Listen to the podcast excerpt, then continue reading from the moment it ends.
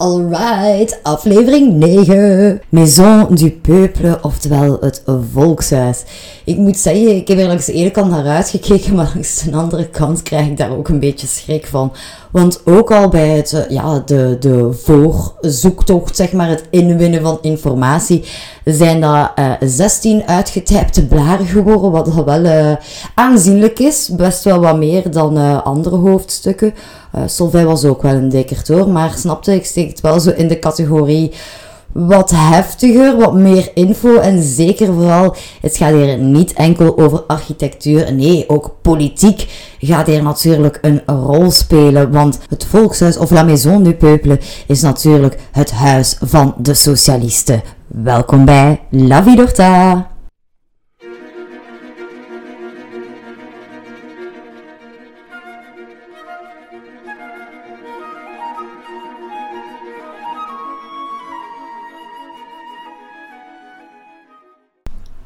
Ik zou eerst graag die oprichting van het Volkshuis, wat aanvankelijk een coöperatieve is. Wat is een coöperatieve precies? Wel simpel uitgelegd, daar gaan producten verkocht worden, maar producten die ook van de lokale boeren afkomstig zijn, of alleszins um, waar, waar men gaat kijken van zo min mogelijk transport regionaal. Um, dat ook de mensen die het uh, gekweekt hebben of gefabriceerd hebben, dat zij daar ook een eerlijke prijs voor krijgen. Dat werkt dus in twee richtingen, zoals het woord eigenlijk ook een beetje zegt, co, coöperatieve, we doen het samen. Ik ga dit uitleggen aan de hand van een brood. Want een brood was zeer lang de belangrijkste voedselbron voor een eenvoudig gezin. Wel ja, eenvoudig gezin, een doorsnee gezin, zoals de meeste mensen toen die tijd. Brood was dus erg, erg belangrijk. Alleen, dat was geen brood dat wij dat vandaag kennen. Er bestonden ook nog geen voedselveiligheidsvoorschriften. Men kon eigenlijk maar doen wat dat men wou. Kwam daar ook bij kijken dat dat niet was van, ah, oh, voor mij grijs, voor mij wit. Allee ja, misschien in principe wel, maar dat wit werd zeker niet aan die doorsnee gezinnen verkocht. Dat was eigenlijk te duur. Men at dat alleen bij bijzondere gelegenheden. Denk maar aan een huwelijk. Of wanneer je ziek was, dan kocht men ook wel eens witbrood. Maar anders was witbrood echt wel voorzien voor die, ja, die betere kringen, want zij konden hun dat veroorloven. Je kunt daar wel uit afleiden dat de 19e eeuwse vrouw haar brood vooral kocht met haar ogen. En dan wil ik dus zeggen dat zij ging gaan voor het brood dat er het witste uitzag. Niet dat wij dat zouden doen vandaag. Wij zouden dat misschien al een keer vastpakken, mochten we de kans hebben. Zien of dat het kraakvers is, zien of dat het lekker ruikt. Maar eigenlijk was dat dus maar bijzaken. Het moest er vooral zo wit mogelijk uitzien. Maar zoals ik daar juist al zei, er waren geen veiligheidsvoorschriften, geen voedselveiligheidsvoorschriften. En dus, ja, die bakkers die deden daar bijvoorbeeld kalk bij. Ze deden daar nog producten bij, want kalk is al bij al.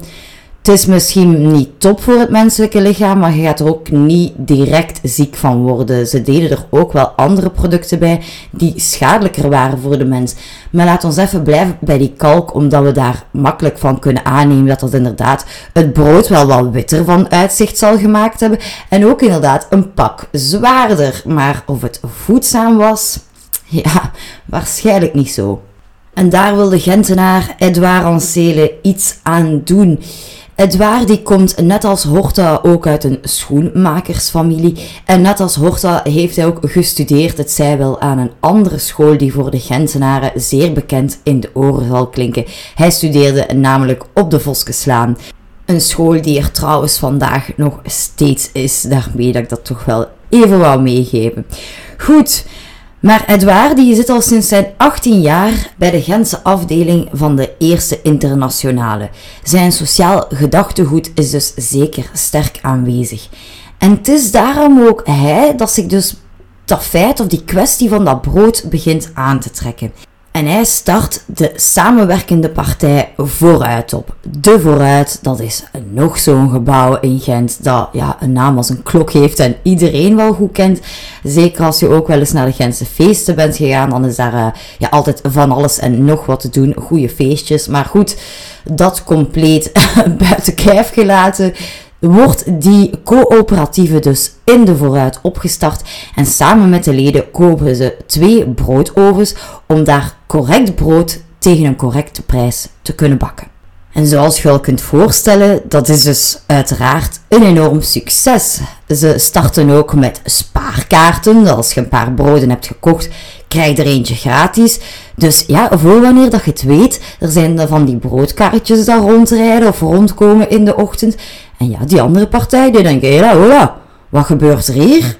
En het duurt dus ook niet zo lang, alvorens zij ook volgen en de straten in de ochtend volrijden met rode, blauwe en groene broodkarretjes. En het is niet alleen in Gent dat er een hele movement op gang wordt gezet, als ik het zo mag zeggen. Nee, dat nieuws zijpelt door tot in Brussel. En het is Louis Bertrand, geboren in Molenbeek, overigens ook een Belgisch politicus, die op 17 april 1881 een oproep lanceert in La Voix de l'Ouvrier, ofwel de stem van de arbeider, om ook zo'n coöperatieve op te richten, maar dan in Brussel. Daarvoor huren ze eerst een oude en verlaten bakkersoven en waar is die bakkersoven gelegen? Op de Chaussée de Gand, dus de Gentse Steenweg. Hoe ironisch en hoe passend niet. Maar net zoals in Gent zal dit initiatief een groot succes kennen. Daardoor moeten coöperatieven een paar keer verhuizen. En zo komen zij op een gegeven moment in de Beierstraat terecht, ofwel de huidige Dinanstraat. Voor mensen die goed gekend zijn met Brussel, dat is een straat in de buurt van het Goudblommeke in papier. En het Goudblommeke, dat is zo een typisch bruin Brussels cafeetje waar artistieke zielen samenkomen en je kan er ook terecht voor een bord Brusselse stoemp. Enfin, dat geheel terzijde, het is maar om aan te duiden dat ze in die buurt van het stadscentrum een pand hebben. En dit pand heeft een eigen café, een vergaderzaal voor bijeenkomsten, kantoren en zelf een feestzaal. De bakovens die komen in de kelder terecht en twee jaar na opstart telt de productie al een half miljoen broden. De coöperatieve gaat dan ook uitbreiden en er komt een slager bij, een stoffenwinkel, een winkel waar je terecht kan voor steenkool en ook toonbanken waar men boter aanbiedt. We spreken ondertussen 1888 en Jean Volders, ook een Belgisch politicus die geboren is in Schaarbeek, hij zal de BWP opstarten, ofwel de Belgische Werkledenpartij, ofwel de Parti Ouvrier Belge. Op 13 december van dat jaar komt voor de eerste maal het partijblad Le Peuple uit. In het Nederlands dus het volk en op de desbetreffende Facebook- en Instagram-pagina, meer bepaald La Vie d'Orta, zal ik een foto plaatsen van de voorkant van de kaft van dit magazine. Nu, de BWP die ijvert in de eerste plaats voor algemeen stemrecht. En dat zijn dus wel gelijklopende ideeën met de coöperatieven. De coöperatieve zal zich dan ook aansluiten bij de BWP en vanaf hier zullen zij verder samenwerken. Onder leiding van Jean Volders wordt de productie van het brood gemechaniseerd. Op die manier kan men dus nog meer en vooral nog sneller broden gaan produceren. En je kan misschien wel al raden dat er natuurlijk een probleem begint te vormen voor de plaatselijke bakkers die zijn eigenlijk ja, niet akkoord of beginnen de manier te kopiëren van hoe dat die coöperatieven, of ja, nu ondertussen coöperatieven en de BWP tezamen, een manier van werken gaan ze eigenlijk gaan overnemen, of toch proberen overnemen. Denk daarbij maar aan die spaarkaarten waarmee ze de loyaliteit van hun klanten willen belonen. Maar er worden ook kortingen uitgedeeld en daardoor krijgt de coöperatieve het moeilijk. Niet alleen daardoor, helaas, ja die mensen die rondrijden met die broodkarretjes, ja, die hebben er zo'n eigen handeltje beginnen op, uh, ja, op nagelaten. Nu ook niet allemaal, hè, maar het is ja, de aard van het beestje, hè, waar dan een mens mogelijkheden ziet om te chipoteren, om te schoemelen, om een beetje te zeuren. Ja, sommige van die ronddragers van dat brood, die vragen dus aan de klanten meer dan dat eigenlijk ja, de bedoeling is. En daardoor krijgt de coöperatieve dus ook een negatieve bijklank negatieve bijklank of niet. Ondertussen wordt er in de Beierstraat toch hard aan die politieke strategie gewerkt en het zal er ertoe leiden dat zij de verkiezingen zullen winnen van 1894. Het ledenaantal vergroot en niet alleen het ledenaantal, ook de productie van die broden en het pand in de Beierstraat wordt dus te klein. Daardoor wordt overgegaan tot de aankoop van de percelen in de Joseph Stevensstraat. Dat is een straat die eigenlijk tussen de Sablon ligt en Onze Lieve Vrouw ter Kapellekerk, of ook wel de Kapellekerk genoemd. Voor wie Brussel goed kent, dat is eigenlijk ook het begin uh, of dat staat aan de hoofd van de Rue Blaas en. Dat zijn toch ook wel zeer gekende straten in Brussel. En wie wordt de architect voor dit nieuwe project? Ja, dat weten we uiteraard al. Victor Horta. Nu, Victor die wordt onder andere ook gekozen voor het feit dat hij sympathiseert met het socialisme. Ik weet niet of je dat nog weet. In het begin van deze podcast, in een van de eerste afleveringen, heb ik gesproken over de Loge des Amis des Philanthropes. Op dit moment in onze Horta-tijdlijn zit Horta daar nog steeds bij, is hij daar nog steeds lid van.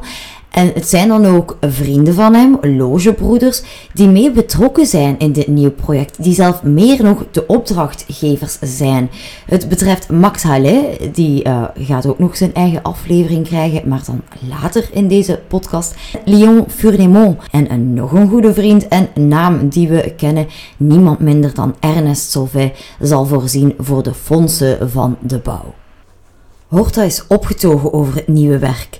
En desondanks dat zijn agenda uitpuilt van het werk, want we mogen niet vergeten, uh, voor de oplettende luisteraar, je hoort mij ook altijd teruggaan naar die 1894, 1895, 1896. We zijn zo op die jaren aan het spelen. Dus uh, woningen zoals Hotel Frison, Hotel Sauvet, de kleuterschool, oké, die start in 1895, maar toch, die een agenda die puilt uit van het werk. Hè. De panden die wij in de voorgaande afleveringen besproken hebben, dat zijn nu op dit moment, while we speak op onze Horta tijdlijn, uh, meerdere zaken waar dat hij dus tegelijkertijd mee bezig is.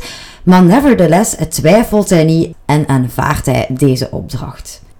Nu, en dan ga ik hem even citeren. En terwijl ik dat zeg, ik heb daar lang over zitten twijfelen, maar ik ga het toch doen, want ik stoor er mij iedere keer aan. Ik uh, ja, herluister mijn eigen afleveringen ook opnieuw. En dan hoor ik mij altijd zeggen, quoteren. Nu, ik versta wel van waar dat het komt, uiteraard. Want bij quotes, eigenlijk dat we het allemaal uh, leuk vinden om van die slagzinnen te posten, heeft dat er toe, tot toe geleid dat ik dus quoteren gebruik op een plaats dat dat helemaal niet correct is. Hè. Iemand quoteren is iemand een cijfer geven en I'm not doing that. Ik ben die mensen aan het citeren. Dus ja, I know, maar... Uh, ja, kijk, voor mijn peace of mind moest ik dat gelijk toch eventjes benoemen. Goed, ik ga Horta dus citeren. We waren jong. Op dat moment was hij 48 jaar. En deze opdracht kon er nog wel bij. Het werk was zo buitengewoon interessant en ik besefte dat ogenblikkelijk. Ik wil een paleis bouwen dat geen paleis zou zijn, maar een huis. Waar lucht, licht de luxe zouden uitmaken, waarvan de arbeiders in een grotte zo lang verstoken bleven, een huis dat voldoende ruimte zou bieden aan administratie, kantoren van de coöperaties, kantoren voor politieke en professionele bijeenkomsten en een café waar de consumpties in overeenstemming zouden zijn met aspiraties van de leiders die het alcoholisme bestrijden dat nog altijd ingekankerd zit in het volk. Verder moeten er leslokalen komen om meer opleidingen te geven en, als kroon op het werk, een reusachtige vergaderzaal voor politieke bijeenkomsten en congressen van de partij. Maar ook voor muziek- en toneelopvoeringen ter ontspanning van de leden. Oh, wat een mooi programma! De droom werd van bij het begin werkelijkheid. End quote. Je kunt in die quote echt wel Horta zijn enthousiasme horen. Ook op de achtergrond hoor je zijn ideeën al opborrelen. Ook zijn goesting zit er echt wel in verwerkt, vind ik persoonlijk. Um, en ja, die goesting of enthousiasme, dat brengt dan ook weer creatieve ideeën met zich mee. Want, zo zegt Horta, wij zijn rooien. En daarvoor ontwerpt hij op het dak een rode uh, koepel uit glas, wat uh, ook zal voorzien zijn van lichtpartijen, zodat op bepaalde momenten ze dat kunnen doen oplichten en die rode koepel dus op verschillende plaatsen uit de stad ja, te zien zal zijn. Oh, amazing. Zo jammer dat dat er niet meer is. In mijn fantasie ziet dat er gewoon top uit. Laat staan in de werkelijkheid dat dat een, ja, dat, dat moet een pareltje geweest zijn. Nu, uiteraard zal de kleur rood een centrale rol spelen. Ook later op de gevel zal al het gietijzerwerk een rode kleur krijgen, als ook de afwerkingen in die fameuze feestzaal. Nu goed, voor jullie overall view weet je al dat er veel rood aan te pas komt, maar we weten eigenlijk nog niet zo hoe, hoe ziet het eruit. Het pand is wederom op een hoek gelegen en ja, bijna eigenlijk ook net zoals altijd zijn er hier ook weer moeilijkheden waarmee Horta rekening zal moeten houden. Om het een beetje simplistisch uit te leggen, het ligt op een hoek, dus we gaan weer die driehoek voor ons nemen. En die driehoek die ligt eigenlijk helemaal gekanteld. Ik heb daar juist vermeld dat het eigenlijk tussen de Sablon ligt en de Hoogstraat. Ja, de, de Joseph Stevensstraat is een straat die, die, die deze twee punten met elkaar verbindt. En als je van de Sablon naar de Hoogstraat zou wandelen, door de Jozef Stevenstraat, die straat loopt naar beneden. Dus we zien al, er komt een niveauverschil. Dat wil ik zeggen, als die in driehoek gekanteld ligt, dat hoofd, ja, het is zelf niet het hoofd dat naar beneden duikt. Het is echt het, hoofd en de zijkant. Maar goed, hier ga ik het complex mee maken. We moeten ook niet zo hard vasthouden aan die driehoek. Ik wil alleen maar meegeven dat ja, de grond is dus niet gelijk en dat brengt sowieso wel uh, problemen met zich mee waar Horta aandacht aan moet schenken. Nu, ja, hij moet er aandacht aan schenken, maar hij is daar niet bang van. Hè. Horta houdt nog steeds van een uitdaging. Dan wil ik misschien verder nog wel zeggen dat het een gebouw is dat bestaat uit drie verdiepingen, waarvan die fameuze feestzaal op de derde verdieping ligt. Het eerder benoemde café, dat ligt op het gelijkvloers. En al met dat idee in het achterhoofd, dat Horta beseft, ja, het volkshuis, dat gaat veelal het eindpunt zijn bij manifestaties, maar ook stoeten gaan hier toekomen en daarom wil Hort dat dus dat die hele meute, want dat is ja altijd in groepsverband, dat die hele groep van mensen makkelijk binnen kan in dat café dat start op het gelijkvloers, maar wel verder uitbreidt over twee verdiepingen. Ik wil wel meegeven niet over de gehele lengte van die uh, bijkomende verdiepingen, hè, maar moest het café alleen maar liggen op het gelijkvloers, zou dat waarschijnlijk niet groot genoeg zijn voor al dat volk. Um, er wordt ook al snel besloten dat Horta zijn plannen ook te groot en te immens zijn voor ja, een verkaveling die eigenlijk al niet klein is, maar wel voor alle zaken dat Horta er graag mee wil doen. Nu, we weten dat ook al uit de privéwoningen van Horta. Dat, ja, Horta maakt van een zonde een deugd. Hè. Dat niveauverschil gaat hem, um, voor hem de leidraad zijn om al die verschillende ruimtes, kantoren, winkels, de hoogteverschil gaat aangeven wat voor vorm dat die verschillende ruimtes gaan nemen. Dus er komt automatisch een speelse dynamiek in. Um, een volledige gevel beschrijven zou gewoon te complex zijn. Ik verwijs u graag door naar uw vertrouwde zoekmachine online om dat eventjes in te tikken. Het Volkshuis Brussel. En dan zie je gelijk enkele historische foto's wat ook zeer interessant is, en ik ga daar zeker een kleine snap uh, op de Instagram en Facebook pagina van La Vie d'Horta plaatsen. Maar er is dus een artikeltje van Brus, waar je een reconstructie kan zien van het volkshuis, hoe het er vandaag zou hebben uitgezien. En die reconstructie is gemaakt door studenten aan de VUB, dus zeer, zeer interessant. Wat ik misschien als laatste nog wil meegeven.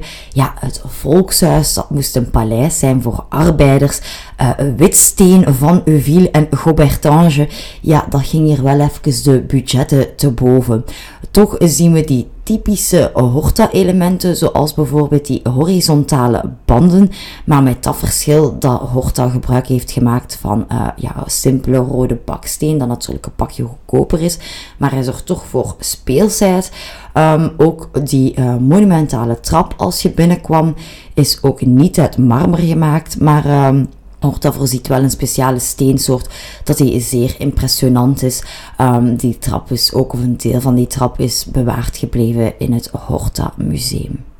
Ik vind het alleszins belangrijk dat je weet dat desondanks dat er hier gewerkt werd met een ander type budget, dat Horta dan niet ging voor een mindere afwerking of zo. Glas en gietijzer waren hier nog steeds meester. En ook die metalen petrellen of metalen draagbalken zijn hier wederom aanwezig en vallen gelijk op als je de gevel bekijkt. Van Eetvelde, of Hotel van Eetvelde liever, is iets later gebouwd. We hebben hem al eerder besproken. Maar daarvan weten we wel dat Horta die expres zichtbaar uh, laat om aan te tonen van kijk, zo steekt die constructie in elkaar. Net zoals dat hij dat later in Hotel van Eetvelde gaat toepassen, is dat eigenlijk de metalen draagstructuur of het metalen geraamte van ja, in dit geval dit hele pand, hè, over drie verdiepingen hoog. En die metalen draagstructuur mag je eigenlijk gaan vergelijken met een grote meccano.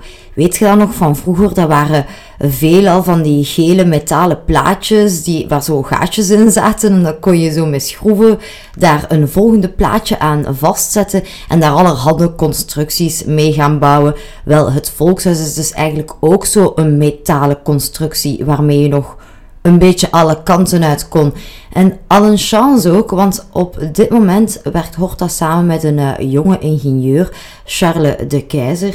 En Charles die had de berekeningen gemaakt, want Horta zijn aanvankelijke idee was dus om die metalen draagbalken, die petrellen van het café op het gelijkvloers, te verbinden met die van het eerste verdiep.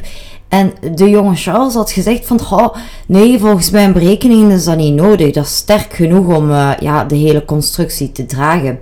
En aanvankelijk aanvaardt Horta dat antwoord. Maar moet toch een stemmetje geweest zijn diep in hem die dacht van, hmm, we gaan dat toch eens herberekenen.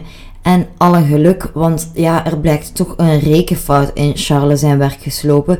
De balken moeten wel degelijk met elkaar verbonden worden, want anders kan die feestzaal die op het derde verdiep zit nooit gedragen worden. Stel u voor, ik denk dat Horta de krantenartikels over deze ramp al voor zich zag wat schade zou zijn aan zijn reputatie.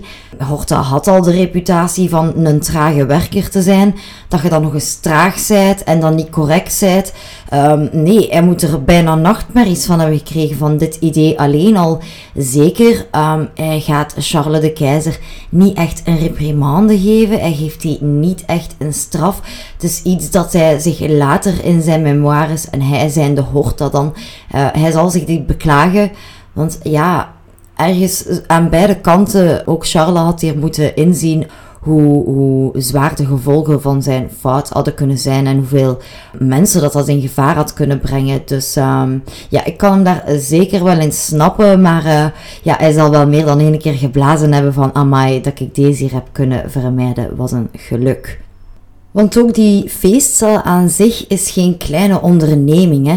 Er is maar uh, liefst plaats voor 3000 man, waarvan er 1500 mensen kunnen zitten. En zij kunnen deels, niet allemaal, maar er zijn van die loges gemaakt. Een beetje zoals je kunt voorstellen vanuit de opera. Daarin heeft Horta dan ook uh, licht voorzien, die zorgen voor een heel mooi effect.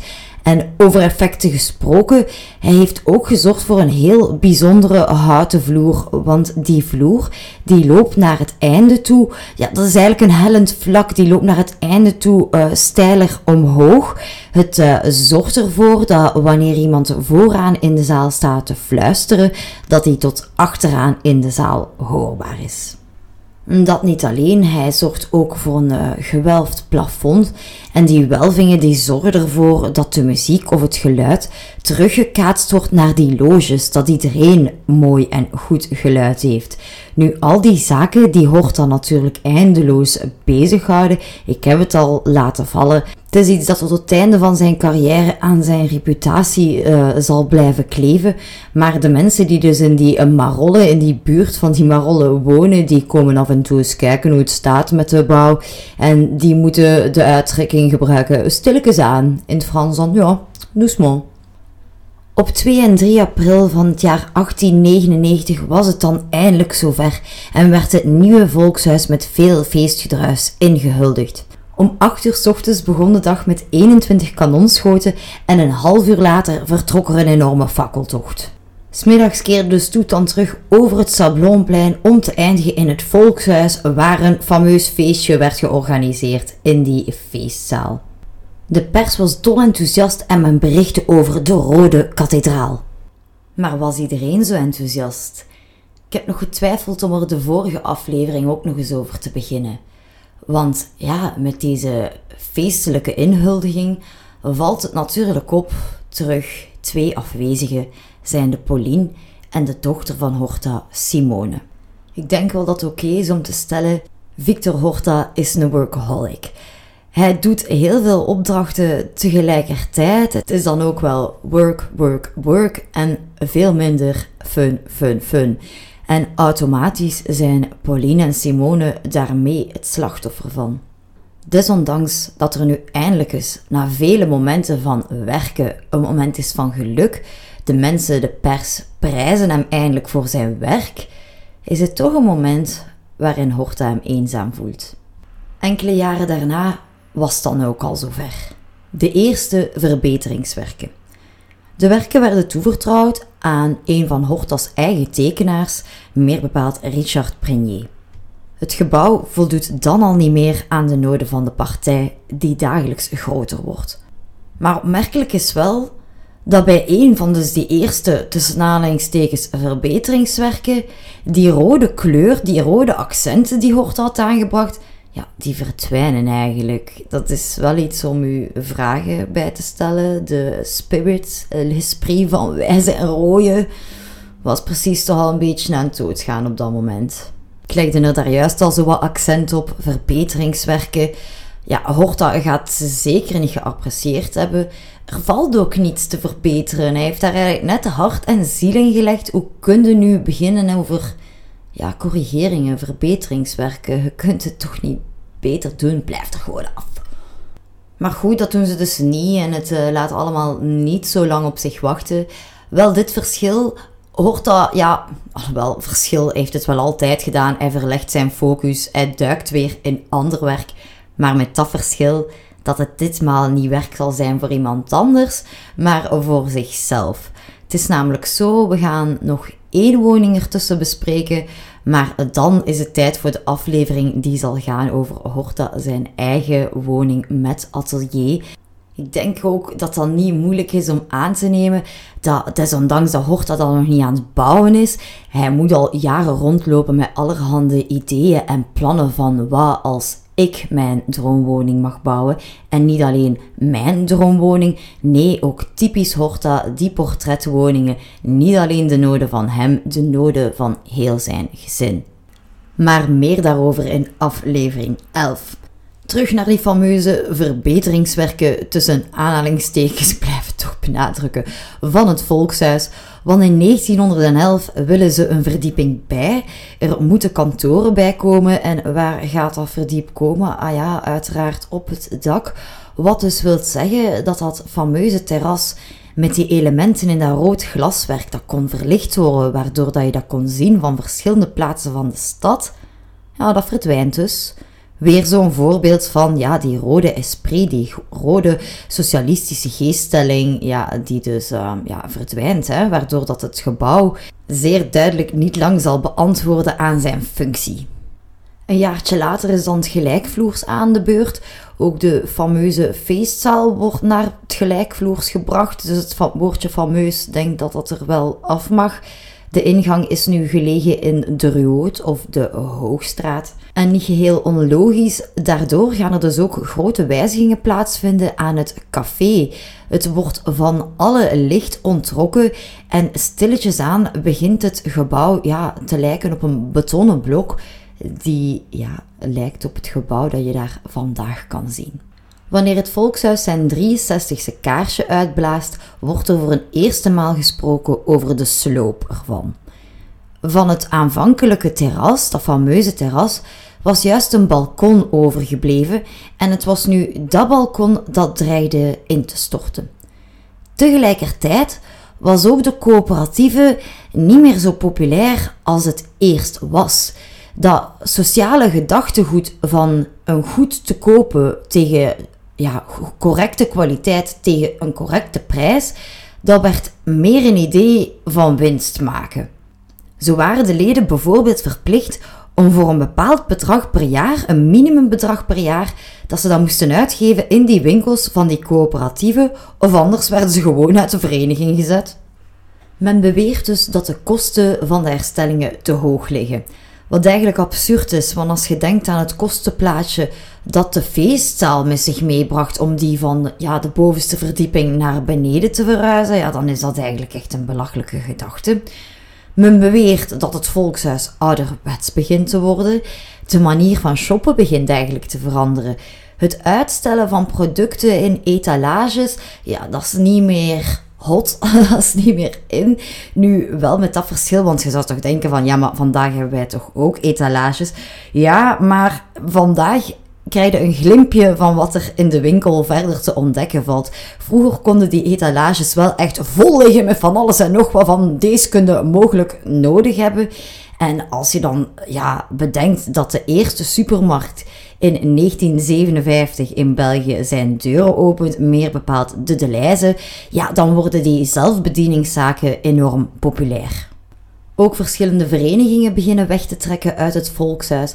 Enfin, allemaal reden genoeg, zo vindt het beheerscomité, om zich te laten informeren over de waarde van het terrein. Het is bijna te zot voor woorden, maar men gaat over tot de aankoop van twee nieuwe panden, die ook in de Ruoot gelegen zijn. Meer nog, ze liggen eigenlijk vlak naast het oorspronkelijke pand. Ja, onbegrijpbaar. Het zijn uh, vandaag de gebouwen waar nog steeds de ABVV of de FGTB in het Frans gevestigd zit. Wat is de ABVV? Wel, het is het Algemeen Belgisch Vakverbond, ofwel de Socialistische Vakbond van België. Het originele volkshuis is dus niet langer het huis van het volk. Toch zijn er grote plannen met het aanvankelijke pand, waarbij de compagnie Industrie et Travaux Émile Blaton, ofwel Cite Blaton, een grote rol zal spelen. Industrie et Travaux, dat is dus letterlijk vertaald industrie en werken. Tot op vandaag is de compagnie Blaton dan ook een zeer gekende naam in de Belgische bouwsector. Aanvankelijk is er sprake van een samenwerking tussen Cite Blaton en de coöperatieve. Men wil de site omdopen tot het Emile van der Velde complex. En men denkt daarbij aan een toren die bestaat uit vijf verdiepingen. Die fameuze toren wil ik hier toch even gaan verduidelijken. Want zolang dat we spreken van die eerste vijf verdiepingen, kan men, desondanks dat het een blok van beton is geworden, wel een blok met ramen in, maar goed, qua oppervlakte kunnen we ons nog iets voorstellen van die aanvankelijke oppervlakte dat het oorspronkelijke volkshuis heeft ingenomen. Wanneer in 1968 wordt overgegaan tot de beslissing van het bouwen van die toren, dan komen er boven die eerste vijf verdiepingen, ja, dan komen er nog 21 verdiepingen bij. Daarin komt een supermarkt, de Société Coopérative de Bruxelles, ofwel Coop Depots, zou haar financiële instellingen, haar studiebureaus en een zelfbedieningszaak hebben die verspreid is over twee verdiepingen. De overige verdiepingen zijn voorbehouden voor de compagnie Blaton zelf. En zij beschikken ook nog eens over zo'n, ja, tussen de 400 en 500 parkeerplaatsen. Want vandaag zijn die eerste vier verdiepingen van die Stevenstoren, die we die vandaag noemen, of ja, ook wel gekend als Tour de Sablon. Um, ja, die eerste vier verdiepingen zijn dus puur en puur parking. Je hoorde het daar juist waarschijnlijk al een beetje aan mijn stem. Ik zei, de co-depots die hadden daar hun financiële instellingen, hun studiebureaus. Daaruit kon je al afleiden ja, dat dat daar niet gebleven is. Ja, die twee verdiepingen dat ze daar innamen, plus die zelfbedieningszaak, ja, die is dus weggegaan. Vandaag in de huidige Stevenstoren zit er eigenlijk niks meer gehuisvest wat uh, met de Socialistische Vakbond te maken heeft. En daarvan zeggen dat dat jammer is, ja, dat is een waar understatement. Want niet alleen was het volkshuis het huis van de rooien, nee, daar was ook geschiedenis geschreven. Want het was hier dat linkse instellingen en kopstukken samenkwamen, om van het eerste uur vurige debatten te houden. Het was hier dat in 1902 het algemeen stemrecht werd geëist, als ook de leerplicht. Eisen dat er een dag komt van 8 uur, dat er maar 8 uur gewerkt wordt en recht hebben op betaalde vakantie. Het is hier dat vooruitstreemde dromen werkelijkheid werden. Dat men dit gebouw, zowel voor zijn architectonische waarde als zijn historische waarde, niet beter beschermd heeft, ja, dat is gewoon onbegrijpelijk. Al moet ik erbij zeggen dat men dat wel geprobeerd heeft. Want vanaf het eerste moment dat er gesproken wordt over de sloop, ja, dan start de SCAB, de Société Centrale Architecture de Belgique, en de SBUA, de Société Belge des Urbanistes et Architectes Modernes, een petitie. En daarmee halen ze zo'n 600 handtekeningen op. En handtekeningen niet van de eerste, de beste. Er zitten zeer belangrijke architecten tussen en architecten en leiders ook van over de hele wereld. Ik geef jullie het citaat mee van Ludwig Hilbersheimer. Hij is de directeur van het Illinois Institute of Technology van Chicago. Niemand zou het prachtige stadhuis van Brussel durven te slopen, of een ander gebouw op de grote markt, met als voorwendsel dat nieuwe gebouwen hun functie beter zouden vervullen. Net als de middeleeuwse gebouwen is het volkshuis een document van zijn tijd en moet dit gebouw, koste wat kost, gered worden. Materiële waarden kunnen vervangen worden, spirituele nooit.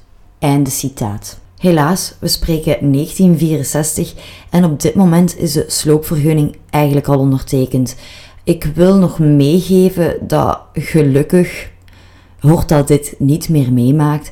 dat die sterft in 1947, dus hij heeft het volkshuis niet onder de sloophamer moeten zien verdwijnen. Um, nu ja, gelukkig heeft opnieuw Jean Delhaye ook in samenwerking met de SCAB um, dan beslist van ja kijk, wij moeten overgaan tot uh, het beschermen van de zaken die we kunnen beschermen en zo gebeurde. De staat die kende een bedrag toe om alles te gaan demonteren. Ja, alles, bepaalde stukken. Want ja, dus ook voor dat beschermen is budget nodig. Men gaat over tot het demonteren en bergen van bepaalde onderdelen van ja, de feestzaal, uh, het café. Ook een deel van de monumentale trap, zoals al eerder vermeld. Je kan die nog gaan bekijken of een deel daarvan in het Horta Museum. Um, ja, we gaan die onderdelen dan tien jaar gaan bewaren meer bepaald in het Afrika Museum gelegen te Tervuren. En dat ligt daar eigenlijk in een deel van, een, van de tuin. Dus ja, dat ligt opengesteld aan weer en wind. Niet echt ideaal, ver van. Nu in 78 speelt men even met het idee om het volkshuis opnieuw op te bouwen. En meer bepaald in het Koning Boudewijnpark gelegen te Jetten. Voor wie Jetten een beetje kent, het Koning Boudewijnpark kan men vinden, of toch een, ingang van het park kan men vinden, tussen het station van Jette en eigenlijk het uh, Brugman ziekenhuis, wat ook van Horta zijn hand is, maar uh, ja, daar later in deze podcast meer over. Enfin, het ligt dus tussen het station van Jette en het Brugman ziekenhuis, meer bepaald op de Heilig Hartlaan. Daar is ook een school gelegen. Het is uh, een, een, een, baan ook met twee ronde punten. Misschien dat dat iets meer zegt. Maar goed, dat geheel terzijde, want uh, het plan wordt nooit uitgevoerd. Sterker nog, ze gaan wel uh, eh, 130 ton ijzer en 150 ton steen verhuizen achter de VUB in Jette. Dat is dus uh, uiteraard ook een afdeling van de universiteit. Die ligt achter het uh, ziekenhuis en ook de brandweer van Jette is daar gevestigd. Enfin, maar het komt daar weer buiten te liggen. Ongelooflijk. Want zoals je wel kunt voorstellen, is ook het overbrengen van al dat materiaal, ja, dat gebeurt niet kosteloos. Hè?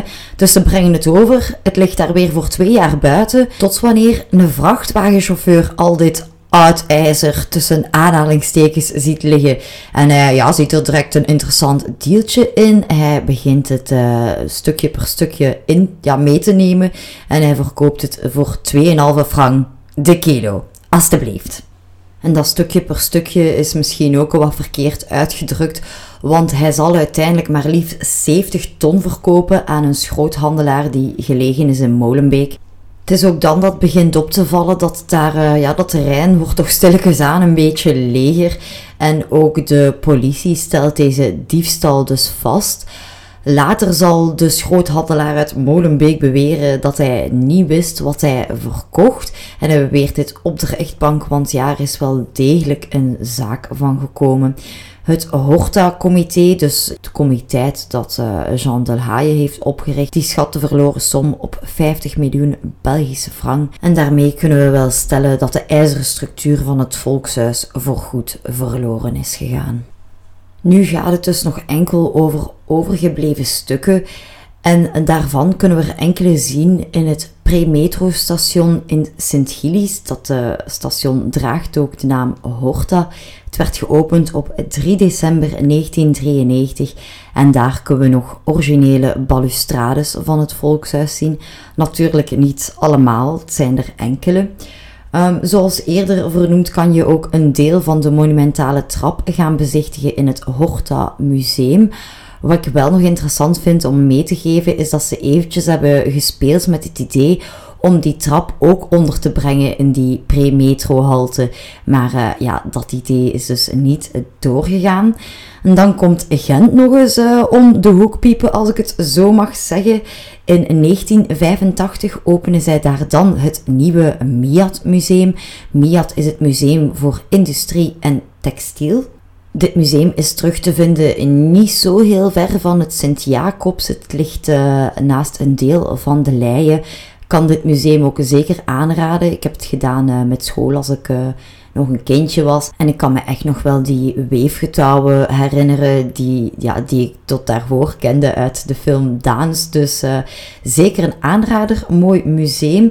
Enfin, het wil zo zijn, de stad Gent die heeft een enorm bedrag uitgekeerd om die fameuze feestzaal te reconstrueren.